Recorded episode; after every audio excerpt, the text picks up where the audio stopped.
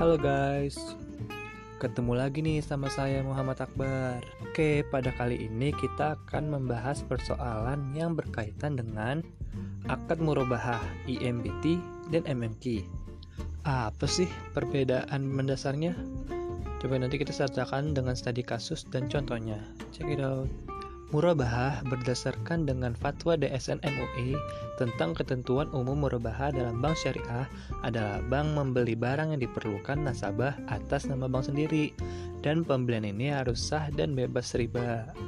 Kemudian, bank menjual barang tersebut kepada nasabah dengan harga jual senilai harga beli plus keuntungannya.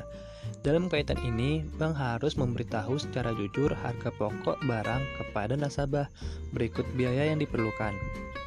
IMBT ini sesuai dengan adanya fatwa dari DSN MUI dalam fatwa nomor 27 garing DSN garing MUI garing 3 Romawi garing 2002 disebutkan bahwa dalam masyarakat telah umum dilakukan praktek sewa beli yaitu perjanjian sewa menyewa yang disertai dengan opsi pemindahan hak milik atas benda yang disewa kepada penyewa setelah masa sewa Sehubungan dengan itu, DSN MUI dalam fatwanya tersebut di atas menetapkan fatwa tentang sewa beli yang sesuai dengan syariah, yaitu akad IMBT.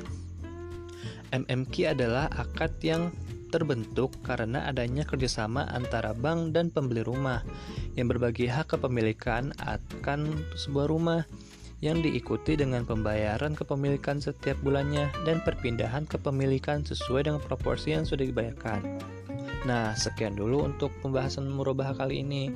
Sampai jumpa di pembahasan persoalan selanjutnya. Dadah.